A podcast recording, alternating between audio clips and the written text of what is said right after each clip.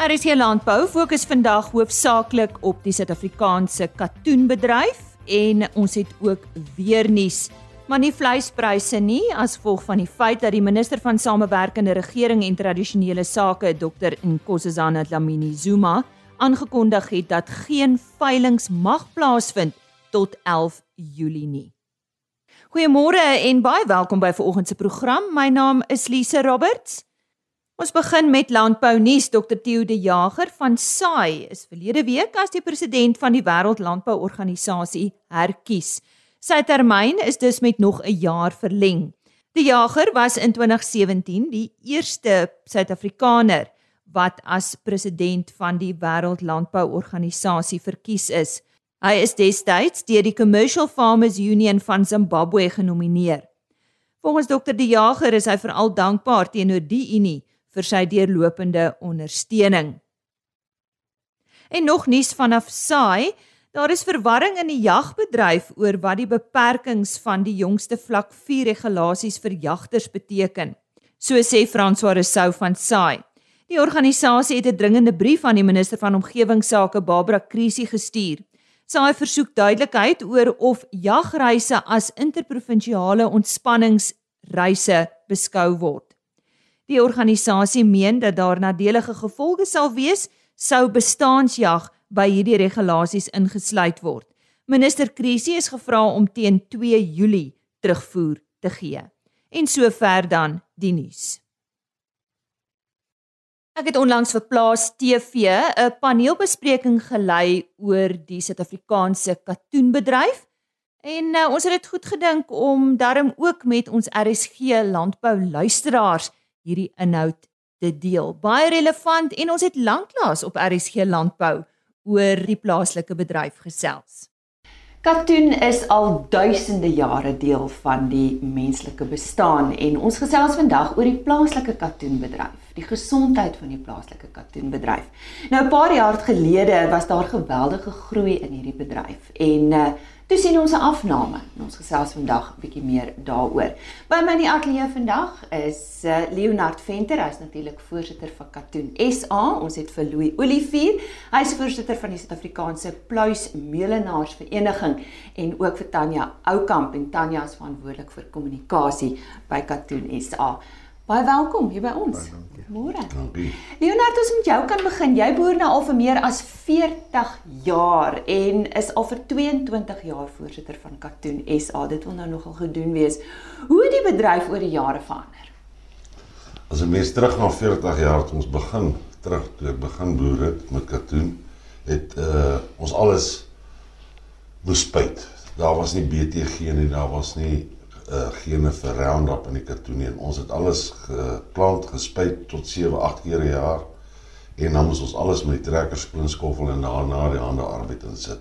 Toe dit verbeter, ons het al die katoen met die hande gepluk. Later jare het jy die Ben Pearson plikker gekry.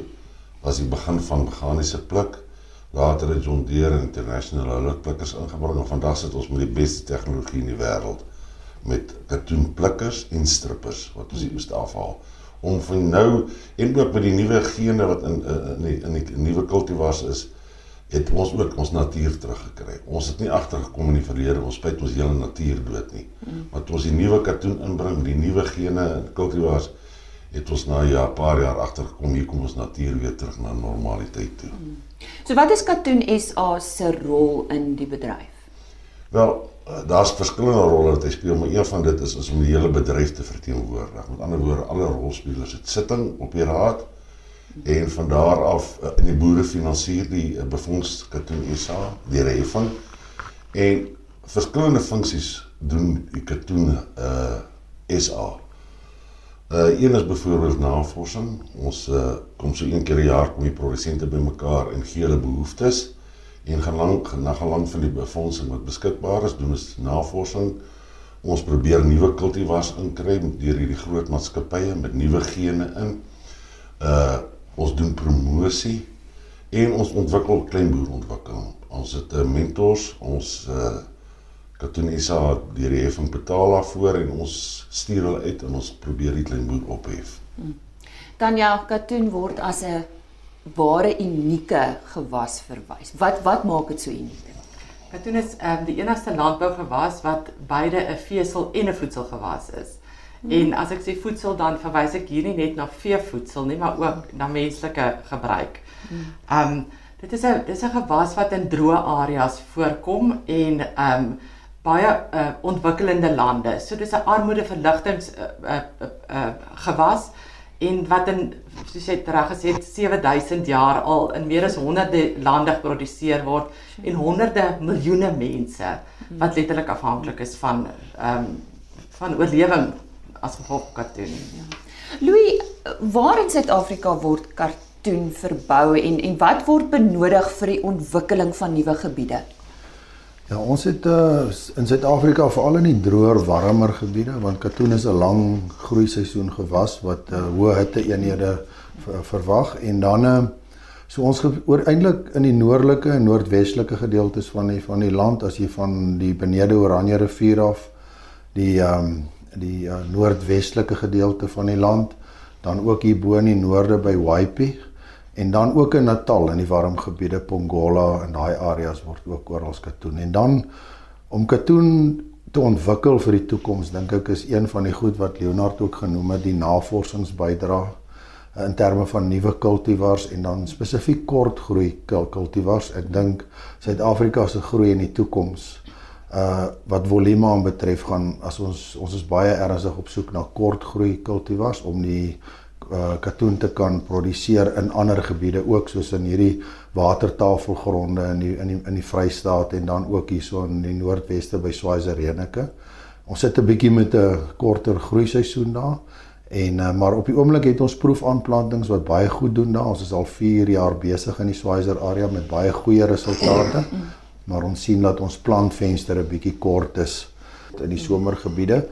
So as die reën 'n bietjie laat kom, dan is ons uit die plantvenster uit. So die kortgroei kultivar sal ons help om dan die gebiede meer oor 'n groter area te kan plant met later reëns en so. So dit is een van die kerngoed wat ons nodig het om volumes op te tel in die toekoms. As jy nou eers by ons aangesluit het, baie welkom by RSG Landbou. Ons fokus hoofsaaklik vandag op die Suid-Afrikaanse katoenbedryf. En gesels met Tanya Oukamp. Sy is hulle kommunikasiebestuurder. Sy het vroeër verwys na katoen wat ook 'n voedselgewas is. Weet jy katoen is een van die veelsidigste gewasse en baie keer as mense aan katoen dink, dan dink jy tipies aan 'n hemp of 'n laken of 'n 'n handdoek. Uh, maar katoen is eintlik soveel meer. En dit word vir veevoer gebruik, um in terme van van um die as met die met die skeidingsproses van die katoenvesel skei hulle die vesel in die saad en dan ook die plantmateriaal. So van die plantmateriaal word dan gebruik vir veevoer en die saad word gebruik vir vir wat hulle olie uitpers. Hmm. En ons is ook baie bevoorreg om die eerste katoensaad oliepers het het so 2 jaar terug in Marble Hall oopgemaak.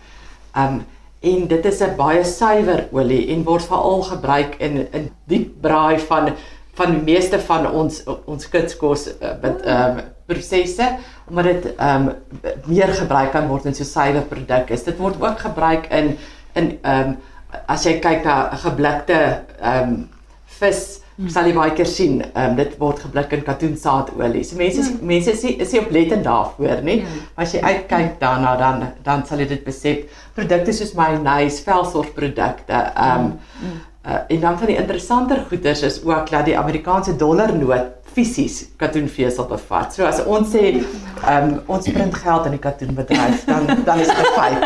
En een van die van die meer interessante goed wat ek verlede jaar um, uit ons wêreld katoendag gevier, wat vir my ook nuwe inligting was, die selulose in die katoen word vir rubber gebruik.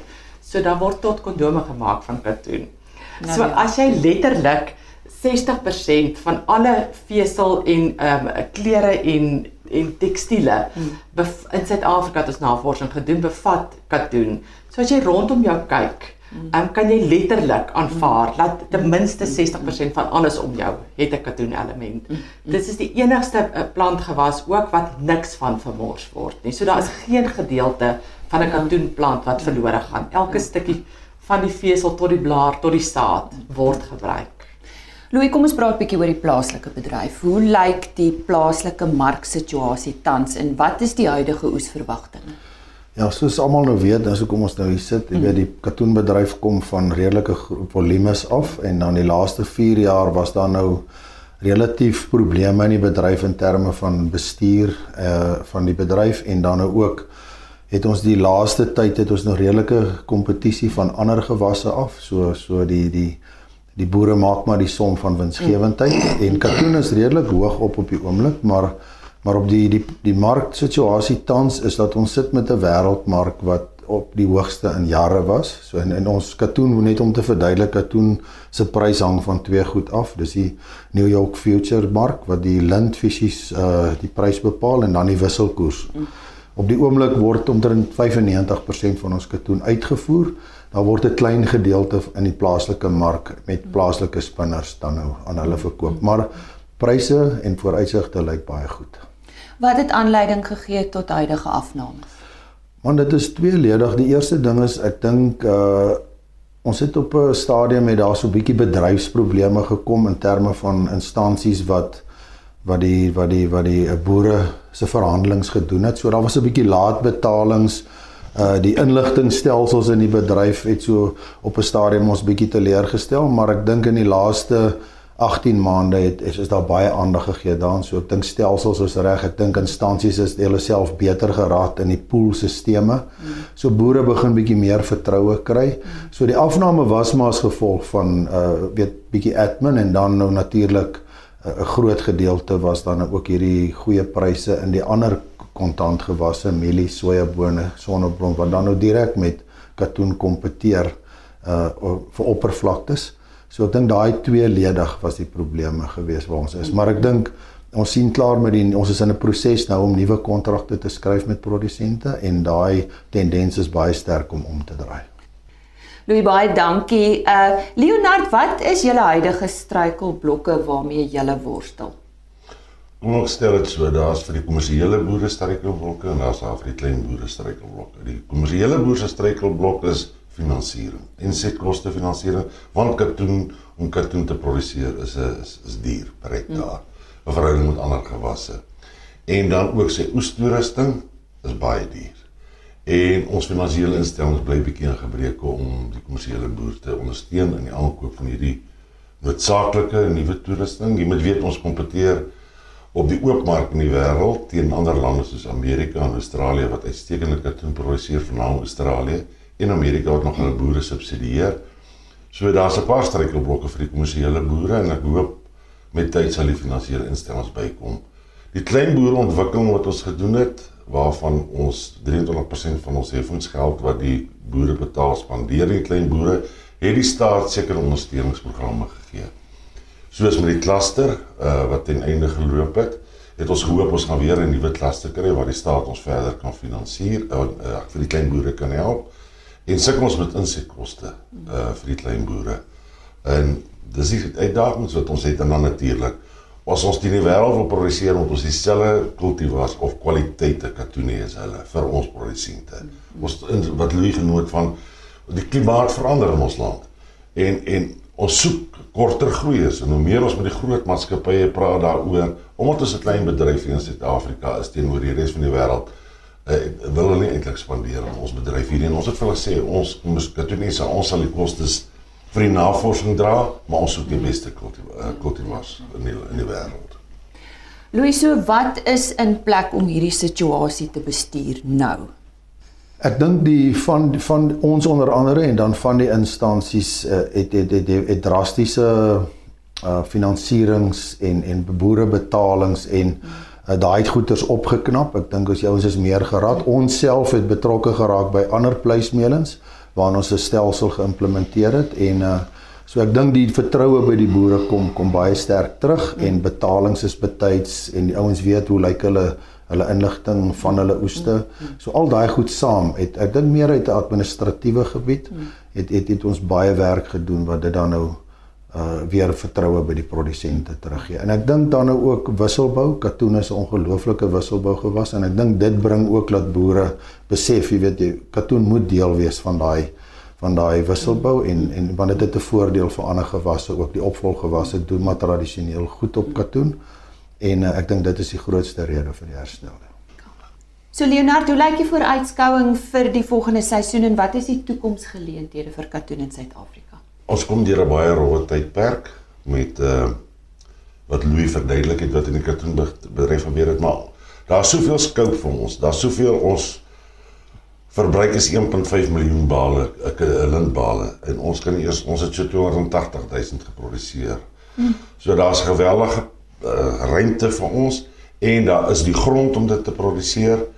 Ehm um, maar wat Louis ook nou gesê het is ons soek nuwe kultivars. Ons moet uh verbeter ons kultivars. Ons gaan ons ons ons produseer teen die beste in die wêreld. Amerikaanse boere wat subsidies kry. Australiese katoene te premie op so goeie kwaliteit te produseer en ons lê dieselfde breedtegraad as hulle. So ons ons produseer net sulke goeie katoen, maar ons moet beter kultivars kry. En dan wat Louis na verwys het, uh die boere moet weer vertroue in die produk kry en die finansiëerders moet weer vertroue in die produk kry. Maar wat in ons area waar waar dit 'n uh, bietjie minder reën is in die res van die land, is katoen 'n uitstekende produk om te om te plant want hy's gehard teen die teen droogte en uh hy gee jou altyd sy opbrengs. Waar ander gewasse misluk, sal hy sal hy terugkom. Moenie weggaan nie want uh, ons sluit ook af met die verdere gesprek wat ek gehad het met Katoen SA. Wat maak katoen 'n voorkeur gewas vir die produsent? Leonard Venter, die voorsitter vir Katoen SA, sal hierdie vraag beantwoord. Nou eers oor Naheni Maas. Ja, dit om weer oor weersake te gesels Johan van der Berg. En ons praat natuurlik met hom oor eh, die winter waarin ons nou is. Johan? Ja, as 'n mens kyk na die minimum temperature, dan is dit nie so koud soos wat aanvanklike voorspellings aangedui het nie. Ons het gedink dit gaan al kouer wees teen hierdie tyd. As ons vergelyk met verlede jaar hierdie tyd, het ons al temperature van -10 grade amper op sekere plekke gehad. So dit lyk nie op hierdie stadium of dit so koud in terme van die minimum temperature is nie. Wat wel wat ons wel sien is dat hierdie volgende week die grootste deel van die Wes-Kaap baie koud gaan wees en die binneland kom ons sê meer rondom Ceres uh, en Robertson en die gedeeltes gaan minimum temperature onder vriespunt daal. So daar's 'n moontlikheid van ryp, maar uh, dit lyk of daar baie reën gaan voorkom in daardie gedeeltes en gewoonlik is die skade dan nie soveel nie. So as ons terwyl ons nou van die reën praat, dit lyk asof daar baie goeie kans is vir reën uh, van nou af tot omtrent hier by die 4de Julie oor die uh die Suidwes-Kaap. So dit is meer na die Swartland se kant toe. Ehm uh, die die wynlande, uh die Kaapse metropool en 'n bietjie minder na die Suid-Kaap en die Rens gedeelte. So dit lyk asof daar redelik baie reën 40 mm plus in hierdie volgende klompie dae moontlik is uh oor groot gedeeltes van die Wes-Kaap. Dit lyk nie of hier regtig enige reën is uh oor vir die grootste deel van die ehm um, van die van die binneland of kom ons sê die somerreënvalgebied nie en ehm um, daar's veral nog baie droë plekke in die Oos-Kaap en die steeds droë plekke in die suidwestelike gedeeltes van die Noord-Kaap wat nie reën gehad het nie. So dit lyk ook nie of daar regtig waar vir hulle reën is nie. Hierdie gebiede val in elk geval so tussen die somer en die winterreënvalgebied. Maar die suiwer somerreënvalgebied temperature gaan redelik laag wees, maar soos ons genoem het, nie so ekstreem soos verlede jaar nie. Dit lyk of daar redelik of baie sterk 'n noord-noordweste winde oor die Wes-Kaap kan voorkom so van die 9 so van van hier van die uh, rondom die 3de Julie uh, en ook die 7de Julie uh baie sterk winde wat kan voorkom want daar's 'n hele klompie koue fronte wat weer besig is om nader te beweeg. Ja, dis 'n tipiese winterprentjie. Ons sê baie dankie aan uh, Johan van der Berg. Dankie Henny en soos ek vroeër genoem het, was my volgende vraag aan die paneel van Katoen SA. Wat maak katoen 'n voorkeur gewas vir die produsent en hoe vergelyk die winsgewendheid van katoenproduksie teenoor alternatiewe gewasse? Aan die woord is die voorsitter van Katoen SA, Leonard Venter. Ek soos ek sê, eh, die Springbok vlakte het 74000 hektaar geproduseer. Ons is op die oomblik op 5000 hektaar. Gewasse wat teen ons kompeteer is koring en uh uh graansorghum en uh, sonneblom. Alhoewel nou met die sonneblomprys wat so mooi opgegaan het van 4500 na 8000 rand per ton toe, blyk dit toe die die die beste gewas om te produseer want hy's gehard teen teen die droogte soos ek vir jou gesê het. Uh waar as 'n as as daar 'n periode droogte intree, dan jy skare op graansorghum of op sonneblom. Daar 'n periode droogte in, gaan staan die katoen stil, hy gooi een of twee, drie squares af en as dit reën, dan begin weer groei. Dan sit hy weer 'n verdere oes aan. So dit is hy teenoor droogte is hy 'n 'n laer risiko plant teenoor ander gewasse wat ons ons gebied verbou. Tanya, volhoubaarheidstandaarde seker een van die primêre fokusareas van vandag. Daar word tog na katoen verwys as 'n vuil en dorsplant. Um, ongelukkig is dit 'n historiese mite en mm. baie van die mense doen navorsing en gebruik ou bronne mm. maar maar soos Leonet reg gesê het vir ehm um, tegnologie ehm um, en gewasse verander en tegnologie bly by. So ehm um, in Suid-Afrika gebruik ons ook die die BCI, die Better Cotton Initiative wat wêreldwyd die grootste en die vinnigste groeiende mm. volhoubare katoenstandaard um, is. Die wonder van dit is dit laat ook die BT uh, gene toe op die kultivars. En ek weet vir vir baie organiese persone dan dink aan OBT. Ja. Maar vir ons gaan dit nie net oor die oor die groei in die toekoms van katoen nie. Dit gaan ook oor die toekoms van ons land en sy mense. En saam met volhoubaarheid gaan gaan nie net planeet nie, dit gaan ook bekostigbaarheid um die standaarde van jou mense en mm. ekonomiese volhoubaarheid. Mm. Mm. En um ons is baie trots om te sê in ons huidige oes verwag ons dat 65% van ons boere reeds op die BCI standaard is en Katoen SA se fokus om teen 2025 100% te wees. Um so ons is heeltemal in in lyn met dit en en, en soos Leonard reg gesê het, weet 51% van ons boere is droë landboere met geen addisionele water en ek weet hierdie twee golfermanne van my gaan nie van hierdie stelling hou nie, maar jy gebruik eintlik meer water op 'n golfbaan as wat jy op 'n katoenveld gebruik. Daar sê dis 'n gevaarlike ene daai. Louis, almal se oë is nou op jou. Nou, op hierdie oomblik. Wat sal jou advies wees vir 'n boer wat nou wil begin katoen plant? Ek dink as jy na die katoen SA strukture kyk, die inligting vir 'n produsent wat wil toetree is baie. Dis goeie inligting. Hmm intydse inligting so die kennis om katoen te kan produseer. Katoen SA is die eerste stop om dit te doen. Ek dink wat dan belangrik is is laat enige nuwe produsent of voornemende produsent moet met 'n plaaslike pleismeele kontak want katoen moet jy onder kontrak uh produseer. Die rede daarvoor is dit gaan oor die bemarking en oor die instandhouding en regmaak van pleiskapasiteit. So 'n nuwe voornemende produsent sal eerstens by Katoen SA se deur aanklop en dan by sy plaaslike pleismeele. En ek dink daar's dis nie nodig die inligting wat die ronde doen op die oomblik oor die gewas is dit nie nodig vir 'n boer om skoolgeld te betaal nie. Goed. Dan ja, om af te sluit, ons is verbruikers, wat kan ons doen om die bedryf te stimuleer? Kortliks. Ek sê altyd ehm um, verbruikers stem met hulle sakke.